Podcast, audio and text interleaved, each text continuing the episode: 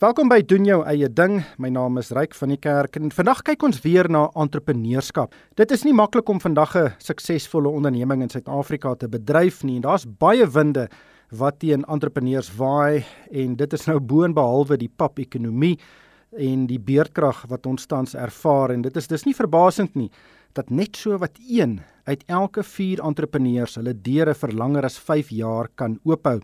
Daar is baie groot finansiële risiko's vir voornemende entrepreneurs, maar indien jy een van die 4 is wat dit werklik maak, kan dit geweldige finansiële en sielkundige vrugte meebring. In hierdie program gesels ek met bestaande entrepreneurs en ons hoor hoe hulle hulle sake idees gekry het, wat hulle grootste uitdagings was tydens se eerste 2 of 3 jaar en ook hoe hulle dit oorkom het en hoeveel geld hulle nodig gehad het om hierdie besighede staan te maak. Vandag gesels ek met Zain Kay. Sy is die eienaar van 'n baie interessante besigheid met die naam Shadeen Goat's Milk Skincare. Dis 'n besigheid wat al vir 7 jaar aan die gang is en soos sy naam sê, verskaf dit 'n hele reeks seep en velprodukte wat van bokmelk vervaardig is. Zain, baie welkom by die program Bokmelk. Vertel ons 'n bietjie jou storie. Hoe en waar het jy nou bokmelk ontdek as die bron van 'n besigheid? Hallo aan die luisteraars. Ek is baie opgewonde om hier te wees om my storie met julle te deel. Ek het so 7 en 'n half jaar gelede terwyl ek by SARS gewerk het op by die inkomste diens, wou ek 'n besigheid begin het, maar ek het nie geweet wat om te begin nie. En toe het ek nou 'n bietjie begin rondkyk, 'n bietjie navorsing gedoen. En ek dink toe, o, dis interessant, miskien moet ek bietjie kyk hoe maak 'n mens balfsals? En ek het begin toe te Google. Ek het toe die olies gekoop. Ek het bokmelk gekry by 'n um, plaas hier in die Kaap, naby Kaapstad. En so het ek nou maar begin seep maak. Die eerste twee uh, probeerslae was nou obviously was nou nie 'n sukses nie, maar ek het hom net aangehou en gekyk en toe het toe kom die seep nou sukses uit en toe begin ek nou te werk aan 'n resep wat kan werk vir sensitiewe vel en ekseem en ek het toe so 6 maande gevat om die regte resep te kry. So jy het by die inkomste diens gewerk en toe sien jy hier's 'n moontlike sake idee. Wanneer het jy nou besef jy kan dalk 'n besigheid maak hieruit? Ek dink ek het net ingejump. My persoonlikheid is ek jump baie gou in goeders. Ek ek is ek is 'n doener. So ek het basies net dis hier gemaak en toe sê my man vir op 'n dag maar jy jy nou jy sou jy hele flippin kaste vol seep. En toe sê ek maar my gaan ek by 'n mark begin verkoop. En toe het ek nou begin om by plaaslike markte hier in die Kaap begin om die seep te verkoop. Sommige net in selofaansakkies, geen verpakking nie.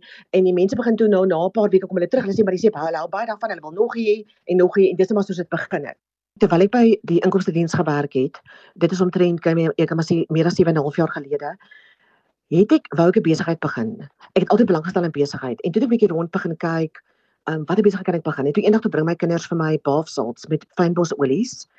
En ek dink toe, "Oh wow, die fynbos, dis nogal baie lekker bath salts. Laat ek bietjie Google hoe maak mens bath salts." En terwyl ek so op Google is, beland ek op 'n seep webwerf. En hier praat hulle van bokmelk seep. Um en ek dink toe, wat is nogal interessant, ek het nog nie van so iets gehoor nie. En ek Google toe onmiddellik bokmel, goat's milk soap in South Africa en ek sien toe daar gaan niks aan nie. Ek dink toe wag, hier's dalk 'n gap in die mark en ek begin 'n bietjie meer navorsing te doen en te kyk, maar hoe maak jy seep? En toe dis sien ek, oef, dis nogal so 'n bietjie moeilik. En jy het amper half 'n chemiese agtergrond nodig. Maar ek het toe verder gegoogel en ek sien toe daar as um YouTube video's wat mense kan kyk en oorsese websites wat jy kan mense e-mail wat hulle jou help met seepresepte en um, met die hele proses om bokmelkseep te maak. Want bokmelkseep is 'n bietjie van 'n sensitiewe dis bietjie moeiliker om bokmelkseep te maak as wat jy gewone waterseep maak met water. En dis nou maar waar ek begin het. Ek het nou maar trial and error. Ek het toe bokmelk by 'n plaas in die Parel gekoop. Ek het rou, materiaal, ek het rou olies gaan koop by 'n vroutjie wat in Johannesburg 'n besigheid gehad het wat wat rou materiale verkoop het. En so het ek dan maar begin seep maak in my kombuis. En ja, dis maar hoe ons begin het. En wanneer het jy nou besef hierdie is miskien bietjie meer as 'n stokperdjie. Jy kan dit in 'n besigheid uitbou. Nou ek regte resep gekry het. Die seep moet skuim. Hy moet die vel moisturize, die vel bevochtig en dan met die vel like soothing and calming, die vel kalmeer. Het ek die regte resep gekry, het ek die produk by ons naaste mark gaan verkoop ek het by die mark ingeskrywe, ek het op 'n Saterdagoggend daar gaan staan en die seep begin verkoop en die mense toe nou na 'n paar weke het hulle nou vir my leer ken en hulle teruggekom en gesê hulle hou baie van die seep. Hulle wil nog hê. Toe kom ek agter daar's 'n aanvraag vir die produk. Ek het ook by die inkomstediens waar ek gewerk het, het ek ook vir die mense vertel van die seep wat ek maak en hulle het ook by my aangebegin koop en gesê hulle hou daarvan en toe kom ek agter wag 'n bietjie. Hier is nogal 'n gap in die mark. Die mense hou daarvan. Met ander woorde, hier is dalk iets wat ek kan doen om my geld te maak. Het dit baie geld gekos om hierdie besigheid nou van 'n klein stokperdjie na 'n groeiende besigheid toe te verander? Ek sal sê nie so baie geld nie. As ek nou kom ek rowweg skat om supplies te koop, 'n mixer en essential essensiële olies, malts, kom ons sê jy kyk na R5000 om mee te begin. Ek het natuurlik ook na 'n rukkie bietjie verveeld geraak by die feit dat ek net seep het. Ek het toe 'n kosmetiese chemikus gekry wat vir my formules kan doen om vir ons 'n ryfvorm te formuleer, 'n liquid gel wash en 'n milk bath soak en so het ek nou maar begin met met produkte. Hoe en waar vervaardig jy die produkte tans en wat is die volumes wat jy op die oomblik vervaardig? Ons lyfprodukte en ons gesigprodukte ek het die die vervaardiging na vir, vir 'n company na 'n company toe ge-outsource in Johannesburg. Hulle doen ons manufacturing vir al ons gesigprodukte en ons lyfprodukte. Die seep, die lip balm, die milk bath soaks, dit man vervaardig ons self uit um, van my studio af wat ek werk van my huis af. So ek werk in 'n in 'n basement en een garage wat ons gerenoveer het. So ek werk daar uit. Ek vervaardig daar self die produkte. Ons het 'n masjien, ons het een masjien in en ja, dit is wat ons doen in hoe hoeveel het ek sal sê ons maak so 60 kg seep per week. Maar dit hang ook af. Partykeer is soos nou Januarie, Februarie, Maart is 'n stiltye vir die besigheid. So ons seep vervaardig is 'n bietjie minder, maar as dit baie besig raak van Augustus maand af, gewoonlik ek sal sê Augustus maand is baie besig tot Desember, dan maak ons baie meer. Dan maak ons plekke elke dag so 20 kg seep. En jy bemark dit net deur die internet. Jy het nie 'n tak of 'n winkel waar jy dit bemark nie. Nee, ons bemark dit op die internet. Ons het 'n online shop waar mense kan aanlyn koop. Ons verskaf aan apteke en gesondheidswinkels, salonne en spas in Suid-Afrika. So ons het op ons op ons webwerf het ons 'n lys. Jy kan gaan daar kyk na outlets, dan sal jy sien watter winkels ons alles vers, verskaf. Ons is ook gelys by 'n uh, farmaseutiese company in Johannesburg wat aan klein 'n klomp klein apteke verskaf. Die mense kan na hulle naaste apteek toe gaan en vra of hulle die produk kan bestel vir hulle. Nou, moet jy aan enige regulasies voldoen om gesondheidsorgprodukte te vervaardig? Dit is waarmee die kosmetiese chemikus ons gehelp het. Jy moet op jou verpakking moet jy 'n volledige hulle noem dit 'n ingredient listing hê met jou inky names. Dit is uh, iets waarmee die kosmetiese chemikus vir ons gehelp het wat sy dit het vir ons help om dit te doen. Jy het nie eintlik 'n wetgewing nodig. Jy moet dit in 'n skoon environment met werk soos ons maak seep. So jy moet jy is ook jou dat jou omgewing skoon en netjies is en ons disinfek ons ons area met alkohol en met Milton ons equipment waarmee ons werk en dan obviously die ander die manufacturing vir ons lyfprodukte en gesaprodukte word by die laboratorium vervaardig in Johannesburg. Ek gesels met Zain Keys, hy is die stigter en eienaar van Jardine Gold Milk Skincare en uh, hierdie besigheid is al vir 7 jaar aan die gang. Zain bokmelk, dit is 'n baie nisproduk. Waar kry jy hierdie bokmelk en is jy baie kieskeurig oor watter tipe bokmelk jy uh, aankoop? Ons kry ons bokmelk van 'n verskaffer in die Parel en hulle bokke kry baie goeie voeding en baie goeie behandeling. So ek is nogal kieskeurig. Ek hou baie van diere, ek spaar lief vir diere, so ek wil seker maak ek ek, ek gaan altyd so intoe en kyk is alles op op standaard. Kyk hulle mooi na die diere. Hulle is 'n besigheid wat ook landwyd kase en bokmelk, jogurt en bokmelk verskaf aan winkels. So hulle is al klaar groot in die in die industrie en hulle het al 'n goeie naam opgebou. Die naam Chardin Goldsmilk Skincare, waar kom die Chardin vandaan? My naam is Zaine, my naam is baie moeilik om uit te spreek. Mense sê kom met my naam en ek wou nie my besigheid die, die naam gee nie. Alhoewel baie mense my om my gevra het hoekom nie. En toe ek 'n naam gesoek vir my besigheid en toe ek het twee dogters, die oudste dogter se naam is Shavan en die jongste een se naam is Odin.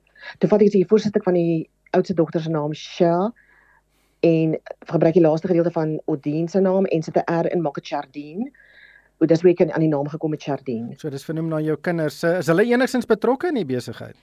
Nee, glad nie. Die een is 'n aankoper by 'n groot leermaatskappy die jongste dogter. Sy het inligting tegnologie geswat en sy's 'n programmeerder. Baie besighede het 'n sekere groei traject. Soos jy ook het baie baie klein begin, jy het op markte begin verkoop. Daar was uh, volgens jou duidelike vraag na die produk en dit het toe gegroei.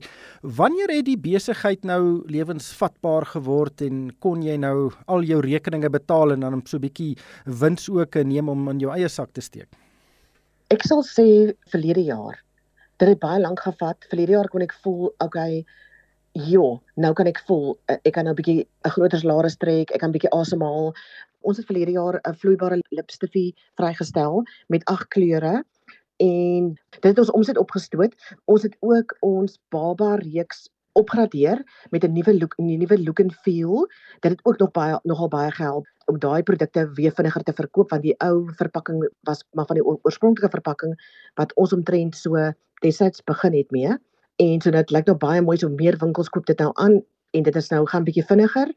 En dan het ons ook ons melkgesigreiniger het ons ook opgradeer. Ons het 'n nuwe formule en dit het ook gehelp om ons eh, verkope op te stoot. So ek sal sê verlede jaar, dit het vir ons baie lank geneem om ek sal sê gelyk te breek omdat bemarking 'n verskriklike groot hoeveelheid van ons geld vat.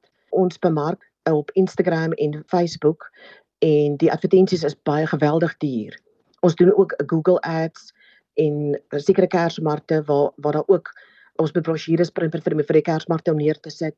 Die tafelfooie is nogals baie en dit bemarking is 'n is 'n reuse groot bedrag geld wat heeltyd uit jou besigheid uitvloei. Veral dat mense bewus raak van jou ons produkte, hulle leer dit ken en as ons nou advertensies hardloop dit raak baie makliker om die produkte te verkoop. Mense koop makliker as wat hulle gekoop het sê maar 4 3 4 jaar gelede.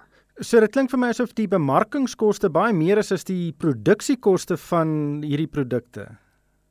Ja, ek sal sê dit is dit is nogals baie duur. Die produk het hoë gehalte um, rou materiale in wat dit nogal duur maak en om dit te vervaardig en om die rou materiale aan te koop. Ehm um, maar bemarking is verskriklik baie geld. Want jy moet heeltyd designwerk doen vir nuwe brosjures, opgradering, die advertensies werk baie duur uit. Ek het al baie keer in tydskrifte geadverteer. Tydskrifte vra vir jou maklik 10.500 rand net vir 'n klein uh, sê maar 'n derde van 'n bladsy. Dit is baie duur.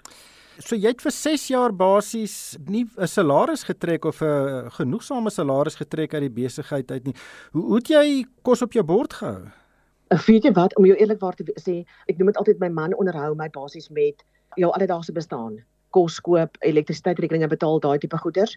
Verder werk ek aan die besigheid uit. Al die geld wat ek maak, sit ek terug in die besigheid of 'n nuwe pro produkontwikkeling, 'n nuwe verpakking en veral die bemarking. So ek sal sê as dit nie my man was nie, dan sal ek sê dat dit was vir my sou baie baie moeilik gewees het om hierdie besigheid nog steeds op sy voete te gehad het. Ja, ek dink dit is die storie van meeste besighede is om daai sogenaamde kritieke massa te bereik wat dan al die rekeninge betaal en dit dan finansiëel die moeite werd maak, maar dit klink vir my of jy 'n groot passie het vir die produkte. En en dit is ook sekerlik belangrik. So hoe bring mense nou passie vir 'n produk en 'n genot om in 'n sekere bedryf te werk? Uit by die finansiële resultaat daarvan. Hoe hoe bring jy daai kloutjie by die oor? Ek is mal oor velse produkte. So ek sal vir as mense vir my sê, "O, ek ek gebruik jou produkte, my vel ek baie mooi. Hulle stuur foto's vir my. Ek, ek sit dit op Instagram en Facebook. Dit maak my opgewonde sodra jy dit post op Instagram en Facebook dan kry jy nog hulle vriende wil weer die produkte koop. Hulle hulle WhatsApp vir my, "Ha, ek wil die produkte koop. Wat is hy gebruik?" Dan sê ek was hy, "O, hulle dit en dit gebruik. Dit kos jou soveel." Dan stuur ek vir hulle 'n kwotasie en hulle koop dan by my. As ek kan verduidelik, ek dink as jy passie het en jy's lief vir wat jy doen, dit gee vir jou die deursettingsvermoë om aan te hou. Om te besef daar is daar is 'n mark vir jou produk. Jy moet dit aanhou en aanhou en eendag gaan jy net soos 'n boom.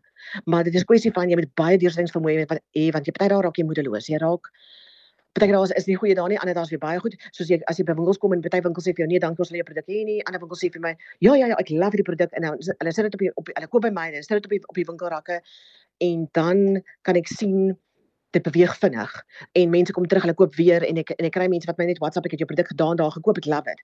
So dit help obviously om die brand uit te kry daar buite om ook jou finansies dat jy meer sales het om jou om jou omset op te stoot en om dit te maak. Maar dit die twee is baie jy moet heeltyd jou besigheid drive en dit vat baie van 'n entrepreneur want jy raak baie keer ook moeg en jy raak moedeloos. Dit is dis baie harde werk. Ja, dis nou daai deursettingsvermoë.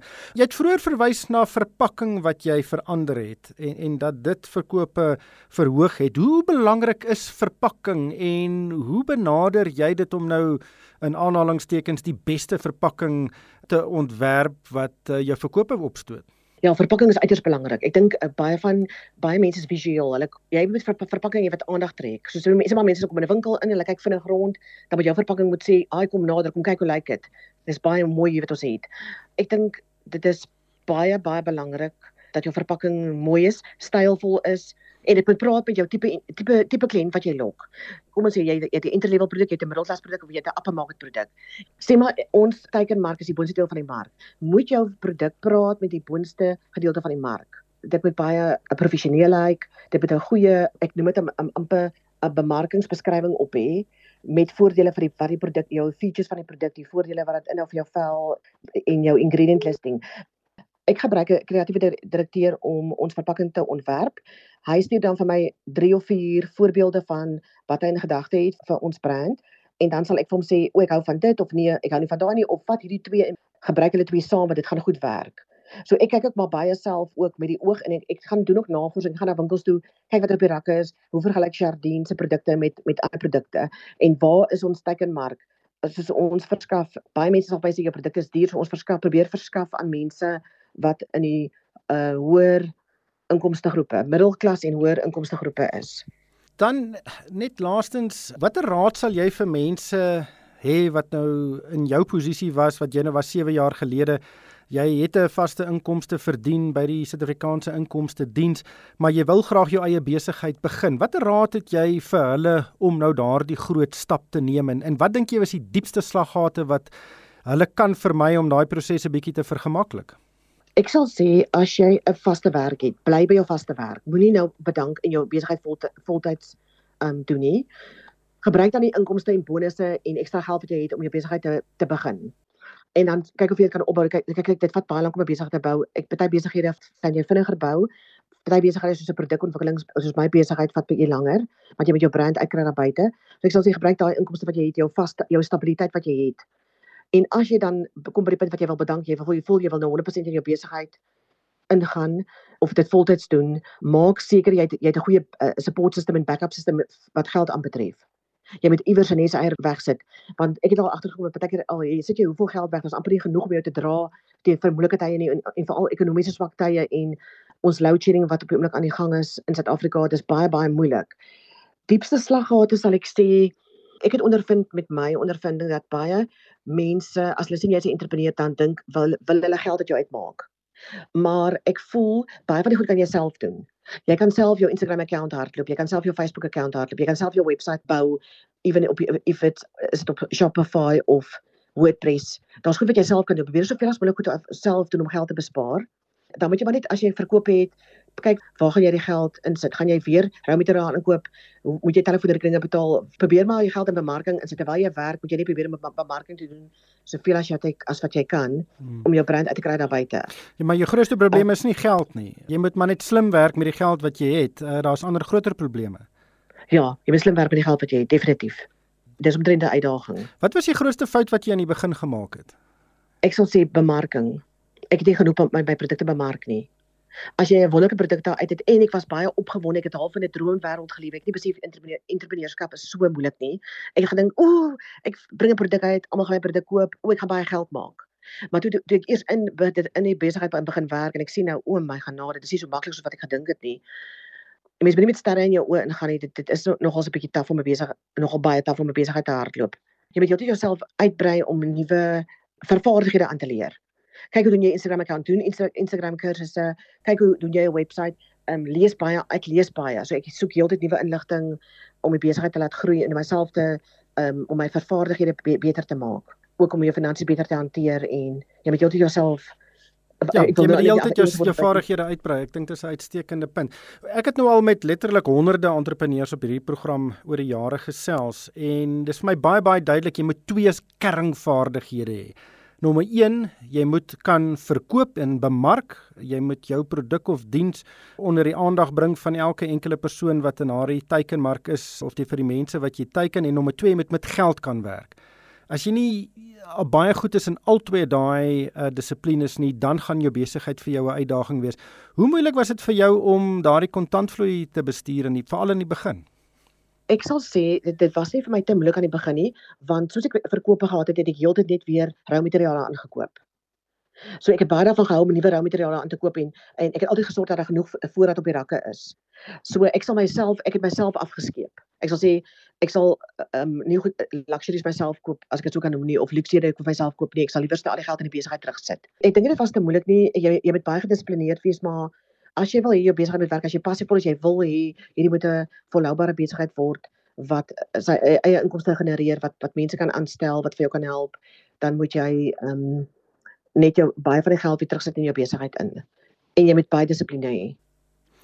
Syn baie dankie vir jou tyd vanmôre en baie dankie dat jy jou storie met ons gedeel het. Mag jou bokmelkprodukte van krag tot krag gaan. Baie dankie Ryk. Baie dankie. Dit was Syn Keys, hy is die stigter en die eienaar van Shardine Goats Milk Skincare. Luisteraars, is welkom om vir my 'n e e-pos te stuur. My adres is ryk@moneyweb.co.za. En dan vir my ryk van die kerk en die Moneyweb span, baie dankie vir die saamluister en ek koop werklik almal het 'n uitstekende Dinsdag verder.